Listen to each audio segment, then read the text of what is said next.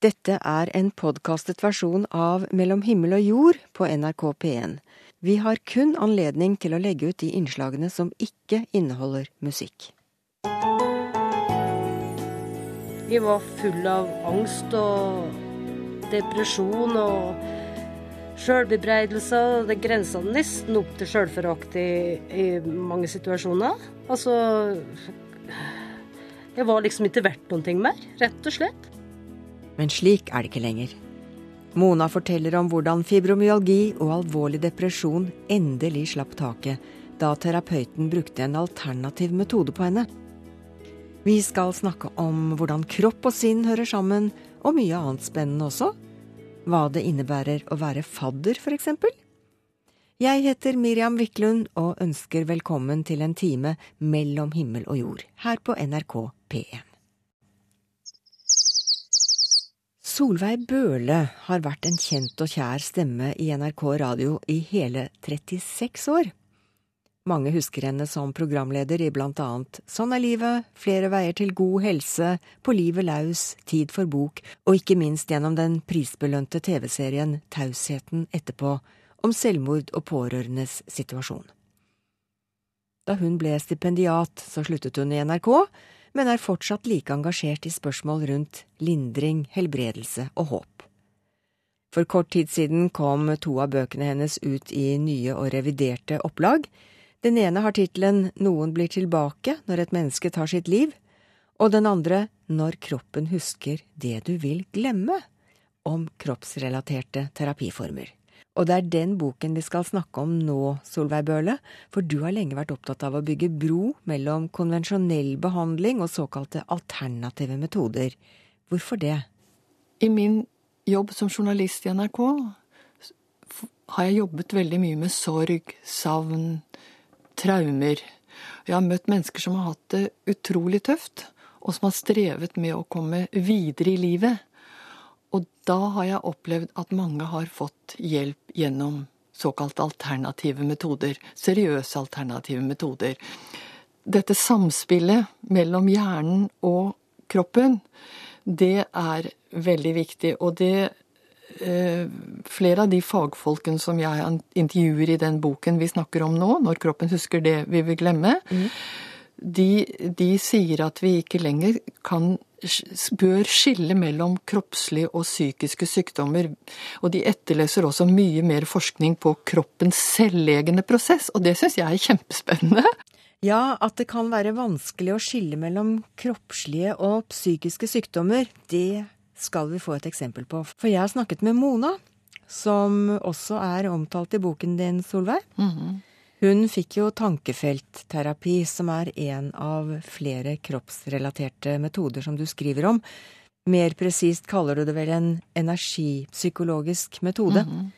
Og Mona hun skrudde tiden tilbake 20 år da hun fortalte om problemene som tårnet seg opp, og i første omgang førte til diagnosen fibromyalgi. Egentlig så var jeg jo glad for at jeg fikk den diagnosen, for det var jo mye bedre å ha ha det å forholde seg til enn en alle spørsmålene rundt hva skjedde. Ja, ja. Jeg, hadde, jeg var jo mangearbeidende helt til påskesopp, for jeg var gardkjerring, og jeg var frisør, og jeg hadde fire unger, og jeg hadde masse å ta med til, og nå endte det liksom opp med at, eh, at jeg klarte ikke å fylle alle disse oppgavene. Mm. Og da endte det jo med sykmelding, og det var jo absolutt uh, veldig vanskelig for meg å takle. Mm. Jeg erkjenner at jeg kanskje ikke At jeg kanskje måtte trappe ned. Noe som igjen resulterte i masse sjølbebreidelser. Fordi at de ikke strakk til. Ja. Og det skapte jo enda mer vondter i kroppen. Da, etter hvert, eh, så skjedde det det at de rett og slett kollapsa. Jeg var full av angst og depresjon og sjølbebreidelser. Det grensa nesten opp til sjølforakt i, i mange situasjoner. Altså jeg var liksom ikke verdt noen ting mer, rett og slett. Nei. Men så skjedde det da heldigvis da at det var familiemedlemmer og fastlege som tok grep og, og skaffa meg rett og slett plass på, på eh, psykiatrisk institusjon. Der fikk jeg veldig god hjelp, og det tok Jeg var ikke der mer enn ei uke. Så jeg var heldig, for jeg kom dit i akuttfasen min, slik at jeg virkelig fikk tatt tak i det når det måtte tas tak i. Så jeg fikk, jeg, jeg fikk ei starthjelp der. Men, men, men den egentlige eh, hjelpa fikk jeg når jeg kom ut igjen derifra etter ei ukes tid, for da kom jeg altså på et rehabiliteringssenter der de jobba med eh, tankvetterapi, blant annet. Og det ble for meg en eh, en opplevelse som det nesten er vanskelig å sette ord på. Sier du det? Ja, det ble det fordi at jeg kom til dette senteret eh, en dag, og neste dag eh, kom behandlinga så vidt i gang, og et par dager etterpå så hadde faktisk eh, tilværelsen min Altså livet mitt hadde rett og slett gjort helomvending. På hvor lang tid, sa du? På et par dager. Nei. Og på et par behandlinger. Fordi jeg hadde så Jeg var så langt nede, og jeg så så Altså, jeg klamra meg så fast til dette som det siste håpet at eh, jeg var veldig mottagelig for, for, det som skjedde, og bilder som dukka opp fra tidligere tider som hadde nok plaga meg mye mer enn jeg sjøl var klar over. Ja, der er vi inne på det der med kroppen som husker. Ja, ikke sant. Ja. Der er vi inne på akkurat det. Ja. Det var jo bilder fra mine opplevelser, og til dels traumatiske opplevelser i fortida, som, som, kom opp. Og det, og, og, og det var jo det at de hadde tydeligvis lider og, og skapa litt eh, problemer ubevisst for meg. Så du, ikke, du, tenkte ikke over at det kunne være noe som plaga deg? Du har glemt det på en måte, du da? Eh, altså, Jeg hadde nok glemt det, men tydeligvis ikke kroppen, da. Jeg hadde ja. feia det under teppet, mm. men det lå der. Ja. For jeg hadde fortrengt det fordi at jeg, jeg ville ikke gå inn i det på en måte. Men men uh, det kunne være små ting, og det kunne være store ting. Ja. Men det lå tydeligvis der og, og, blokkerte den frie flyten i kroppen min. Som jeg etterpå, i ettertid kunne tenke på. For jeg vil jo aldri glemme det som har vært i livet ditt, men, men eh, det plaga meg ikke lenger. Nei, men du, altså Dette her høres nesten litt sånn mystisk ut. Kan du ikke fortelle bare litt grann, hvordan gikk den, hva gikk den terapien ut på? Det gikk ut på ja, litt, litt innledende samtale, og så finne fram da til, til det som plaga meg. Jeg, gikk, jeg fikk beskjed om å tenke på det som plaga meg, og så fikk jeg da behandling av terapeuten via å banke på bestemte punkter på kroppen. Mm -hmm. Som da åpna opp for for den frie flyten i meridianene, som, som, gjorde at kroppen min igjen kom i balanse, da. Ja kropp og syke kom igjen i balanse, kan du si. og det det gjorde at, at, de klarte å få opp disse her bildene. Det var akkurat som du på en måte kledde det ene problemet av det andre. Tilbake til deg, Solveig Bøhle. Mm. Mona forteller altså at hun etter mange års plager med både fysiske smerter og depresjoner, ble kvitt dem nærmest ved et trylleslag etter at hun fikk denne tankefeltterapien. Det er jo foreløpig en alternativ behandlingsform, men er dette en behandling som begynner å bli tatt inn i varmen av konvensjonelle behandlere? Da jeg oppdaterte denne boken 'Når kroppen husker det du vil glemme', så samarbeidet jeg med uh, Gunnar Sørbotn, og han er jo psykolog. Og utdannet i 60-årene på Universitetet i Oslo, og bruker tankefeltterapi. Han bruker meridianbaserte behandlingsmetoder. Og, og han sier at um, han har utrolig mye raskere resultater når han inkluderer det i sin behandling som psykolog. Og energipsykologi, det er det mange psykologer som bruker. Mm. Har du truffet noen på din vei som uh, har negative erfaringer med, med sånn terapi? Nei, det har jeg faktisk ikke gjort. Vi har truffet uh, jeg har truffet folk som har blitt skuffet, jeg ikke syns de har fått den hjelpen de hadde håpet på. Det har jeg, hvis du kaller det negativt, det er jo kanskje en negativ erfaring. Men jeg har ikke truffet noen som har hatt uh, en forverring i situasjonen sin. Det har jeg ikke, det har jeg ikke gjort. Jeg tror vi, vi reagerer forskjellig også på ulike behandlinger. Du vil kanskje reagert annerledes. Jeg tror det er mm, sikkert flere som hører på oss nå, som kanskje har vært borti tankefeltterapi, og muligens ikke har hatt den gleden av det. Eh, og det kommer jo igjen an på eh, forholdet, personkjemien med behandleren, om hvor dyktig behandleren er. Jeg syns det er en stor fordel når det gjelder Gunnar Sørbotn f.eks., at han er psykolog, og kan på en måte gjennom sin psykologiske innsikt hjelpe klienten å ramme inn, fokusere på, avgrense det som er problemet. Jeg tror vi må høre litt mer om Mona, for hva tror hun hadde skjedd med henne hvis ikke hun hadde fått den terapien? Nei, det er i hvert fall ganske så sikkert på én ting, at da hadde jeg sittet som 100 uføretrygda i dag. For jeg var 70% permanent trygda når dette der begynte å, å, det begynte å skje. Og, og jeg har jobba meg tilbake til å være 100% arbeidsfør. Via den tankefeltterapibehandlinga og via, via, det nettverket som jeg, som jeg, på en måte fikk igjennom den type behandling, da. Men du, Mona. Du ble jo medisinert en periode. Den hadde en funksjon en gang, den òg, hadde den ikke det? Absolutt, absolutt. Og det er ikke det jeg mener at, at det skal bort, eller noe sånt. For det, det for mange så er det faktisk en, en veldig nødvendighet, og i hvert fall i en akuttsituasjon. Mm. For jeg vet ikke hva som hadde skjedd hvis jeg ikke hadde fått den hjelpa jeg fikk på, på, på institusjon. Men så det var veien videre for, for, å bli helt frisk? Det var da du, du hadde nytte av uh, tankefeltterapien? Ja, absolutt. Ja. For, fordi at, at, det kan godt være at dette er to ting som, som bør gå hånd i hanske for mange. Og det er jo det det, det kanskje bør jobbes for i framtida, at skolemedisin og en del sånne alternative teknikker kan komme nærmere hverandre og utfylle hverandre på mange måter. Så, så, det, så, det, er jo veldig viktig at du har uh, skolemedisin og det de kan tilby deg i en, en, vanskelig situasjon. Uten tvil. Har du noen gang tenkt over at du kanskje kunne ha unngått å få alle de problemene? I så fall, hva skulle du ha gjort for ikke å havne opp i sånn, et sånt uføre? Ja, det har jo jeg tenkt på mange ganger sjøl òg. Altså, hva kunne jeg egentlig gjort? For du kan kanskje ikke gjøre så mye med den du egentlig er. Det jeg har funnet ut om meg sjøl, kan du si, som er med å, å balansere hverdagen min i dag, at jeg er fortsatt veldig sterk, men er også utrolig sårbar. Ja. Så hvis, hvis en kan klare å tenke på det at en er et Om en føler seg sterk og kan mestre alt, at en faktisk, eh, som jeg har sagt mange ganger, at jeg har skjønt at først må en være litt glad i seg sjøl før en kan være glad i andre.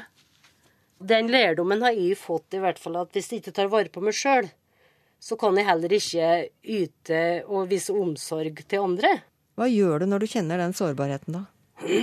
Nei, det jeg gjør når jeg kjenner den, da setter jeg meg ned og mediterer litt, og så tar jeg en tankefeltterapibehandling på meg sjøl. Og kanskje snakke litt med meg sjøl. Jeg har en veldig fin indikator på min egen kropp og, og syke, og det er at går det ei uke som jeg ikke har hørt meg sjøl synge, så spør jeg meg alltid sjøl hva er det så fæle det nå, jenta mi, jeg har ikke hørt du har sunget på ei ukes tid. Oi, Hva synger du da? Nei, da kan det, det kan være alt fra julesangen midt på sommeren til til, til hardrock, helt til på skulle sagt. Oi. Har du en yndlingsmelodi? Eh, jeg har en veldig fin yndlingsmelodi. Det er vise av en Bjørn Eidsvåg, som heter Det er du, det. Den må vi jo spille. Ja, det hadde vært veldig koselig, for det, den melodien fikk jeg det var når jeg lå på den institusjonen den uka, så der kunne jeg høre på radio om morgenen. Og når jeg skrudde på radioen akkurat når jeg våkna, så hører jeg han synge den sangen. Det er du, det. Ja. Ja, og det, den, det, det var til meg, altså. ja.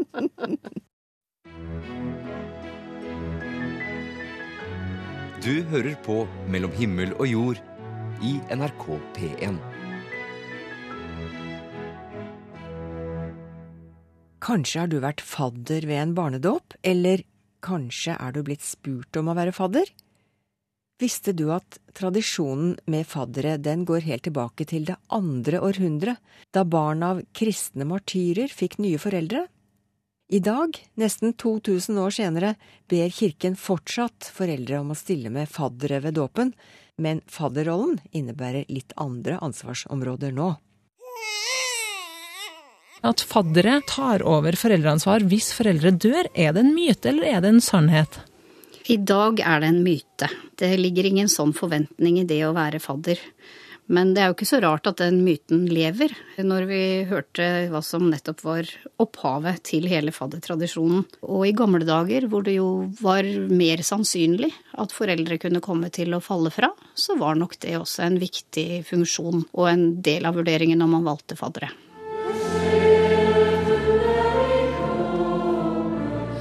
«66,4 av årskullet i 2011 ble døpt i Den norske kirke. I tillegg så har man jo dåp i andre kirkesamfunn, så sannsynligheten for at du blir bedt om å være fadder en eller annen gang i løpet av livet, er ganske stor. Men hvem kan være fadder? Jeg spør Kristine Aksøy, seksjonsleder i Kirkerådet for barn, unge og trosopplæring.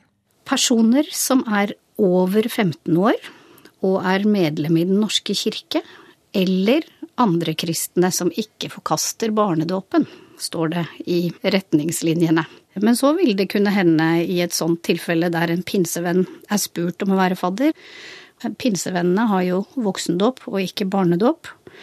Men dersom dette er en fadder som man tenker vil kunne gjøre fadderoppgaven bra, og ikke selv ha problem med å være fadder i barnedåp, så vil mange prester da vurdere at sammen med flere faddere, så er helt sikkert en pinsevenn en god fadder som kan være med å ta det hellige ansvaret. Et hellig ansvar, det er et sterkt uttrykk? Ja, det er det uttrykket som brukes i liturgien. Når det er dåp, så bes foreldre og faddere om å reise seg. Og så får de høre om det hellige ansvaret, som da er å be for barnet, og lære det selv å be, og hjelpe det til å bruke Guds ord og Herrens nattvær, så de kan leve og vokse i den kristne tro. Hva ligger i den oppgaven å være fadder for din del? For min del så har jeg vel ikke gjort så veldig mye ut av det. Man skal jo egentlig følge opp ungen litt og stå for den religiøse oppdragelsen av ungen. Men eh, ut ifra mitt ståsted så funker ikke det. Men hvordan var det da å stå i kirka og svare ja på det spørsmålet som ble stilt? Nei, Man måtte jo bare fortelle hvitløgn til, da. Hvis man selv ikke ideologisk kan stå inne for dåpen, så vil jeg jo tenke at den enkelte selv vil ønske å reservere seg fra det. Både foreldre og faddere føler at de har litt ulike forutsetninger for å ta på seg den oppgaven. Og derfor er det jo viktig òg at det understrekes at dette er et ansvar de har sammen med denne konkrete menigheten og hele kirken. Menigheten skal i dag få ta imot dette barnet i Guds hus. Hva legger kirka i dåpen? Rett etter dåpen så sier presten Den allmektige Gud har nå gitt deg sin hellige ånd, gjort deg til sitt barn og tatt deg inn i sin troende menighet. Gud styrke deg med sin nåde til det evige liv. Så gjennom de ordene så tenker jeg jo at vi får et ganske godt innblikk i hva kirka legger i dåpen forenes med Kristus, får et nytt liv, innlemmes i kirken. Og i det ligger jo på en måte hele frelsen sånn som den er forstått i kristen tro. Hva har den oppgaven innebært for din del? Den har eh, innebært litt oppfølging i form av at jeg har passa de barna, og sørga for gaver til bursdager og jul og den type ting. Man forplikter seg jo til å følge opp det ansvaret som liturgien beskriver, altså om trosopplæring, omsorg og forbønn. Men så tenker jeg jo at noen kloke eh, pedagoger sa en gang at kristen oppdragelse er jo oppdragelse, rett og slett. Vi er jo ikke kristne i en liten sektor av livet vårt, og så er liksom resten av livet har ikke noe med det å gjøre. Så en sånn generell omsorgsoppgave tenker jeg jo også at det ligger en oppfordring i når man er fadder. Jeg er fadder for noen, ja. Jeg er en gutt som ble konfirmert i år, faktisk. Du kaller det fadderoppdraget. Hvor lenge varer det her fadderoppdraget, da? ja, når er det slutt på det? Egentlig så tenker jeg det varer eh, livet ut. Oppfølging av en som er døpt. Det skjer jo så lenge den som er døpt eller den som er fadder, lever. Men jeg tror nok at eh, sånn tradisjonelt så har vel mange tenkt at de kvitterer ut fadderoppgaven på konfirmasjonen. Med en tale og litt sånn lykke til videre i livet. Før var det jo det eh, vektigere. Det er fadderoppgaven, men nå for tida så føler ikke den oppgaven er så stor. Man gir litt ekstra større gaver og litt eh, ekstra stor kjærlighet, tror jeg kanskje. Men så tenker jeg jo at eh, på samme måte som du alltid er foreldre når du har fått barn, så vil du alltid være fadder når du har, eh, har påtatt deg det oppdraget. Og veldig mange vil jo ha et spesielt forhold til fadderen sin livet ut. Hva har du lagt i den oppgaven eller ansvaret? Eh, jeg er redd at det kanskje ikke er det som står liksom i kirka. skal jeg si. Det er jo litt mer tradisjon og sånn eh, ja, at du gjør det for folk du bryr deg om. Da. Jeg fikk sikkert et sånt ark eller noe sånt den gangen det sto noe viktig på, men jeg tror ikke jeg leste det. Hva skjer hvis man som fadder ikke utfører de pliktene eller oppfører de kravene? Det viktigste som skjer, er jo at den som er døpt, mister noe i en fadder som ikke følger det opp. Det er jo ingen juridiske konsekvenser av å ikke følge opp fadderoppgaven. Så har du fulgt opp, eller så har du ikke fulgt opp. Etter vår Herre Jesu Kristi ord og befaling døper jeg deg til Faderens og Sønnens og Den hellige ånds navn. Hvis noen hadde spurt deg om å være fadder, hva hadde du lagt i den oppgaven da? Da hadde jeg blitt veldig glad, for det første. Og eh, det hadde på en måte vært en tillitserklæring òg fra foreldrene, tenker jeg. Eh, så kommer det nok litt an på hvem foreldrene er, da, hva de legger i det. Og hva jeg ville lagt i det. For jeg tror det er noe folk setter veldig forskjellig. da. Jeg tenker det er en ære og en tillitserklæring å bli spurt om å være fadder. Og kanskje skal man da spørre foreldrene hva de forventer av deg som fadder, eller hvorfor spør de akkurat deg? Og kanskje har de sett en egenskap hos deg som du ikke er klar over at du har? Og så kan man jo tenke også sånn at hvis de velger faddere med litt ulike styrker, så kan også fadderne utfylle hverandre. Kanskje er du en som kan være flink til å huske på dette barnet i bønn, mens en annen er veldig god til å huske merkedager, og kanskje en tredje vil synes det er fint å kunne bli med dette barnet på noe kirkelig aktivitet. Og, ja. Det er mange ting jeg tenker man kan gjøre som fadder, og så er det selvfølgelig mulig å si nei. Og det tenker jeg også er å ta oppgaven på alvor og si at det her kommer ikke jeg til å klare å følge opp. Det sa seksjonsleder i Kirkerådet, Kristine Askøy, til reporter Kristin Norvoll Mork. Og hvis du er interessert i flere tips til hva du som fadder kan gjøre, har IKO-forlaget i disse dager gitt ut boka Faddergaven, som har både tanker og tips om hva en fadder kan være og gjøre.